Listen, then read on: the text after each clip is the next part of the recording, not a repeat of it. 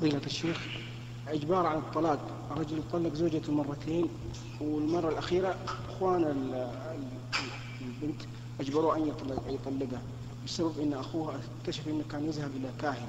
قال لازم نطلق زوجتي لأنك أنت كافر.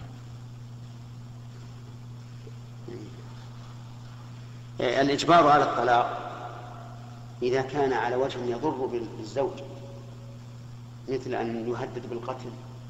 من شخص يستطيع أن يقتله أو بالحبس أو بأخذ مال يضره فإنه إذا طلق لا يكون طلاقا.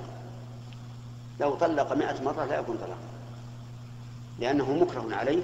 وقد قال النبي صلى الله عليه وعلى آله وسلم لا طلاق في إطلاق. والمكره مغلق عليه لولا الإكراه ما طلق. أما إذا كان مجرد أن يلزم عليه أو يشير عليه فهذا ليس بإكراه. وإذا طلق وقع. الطلاق نعم.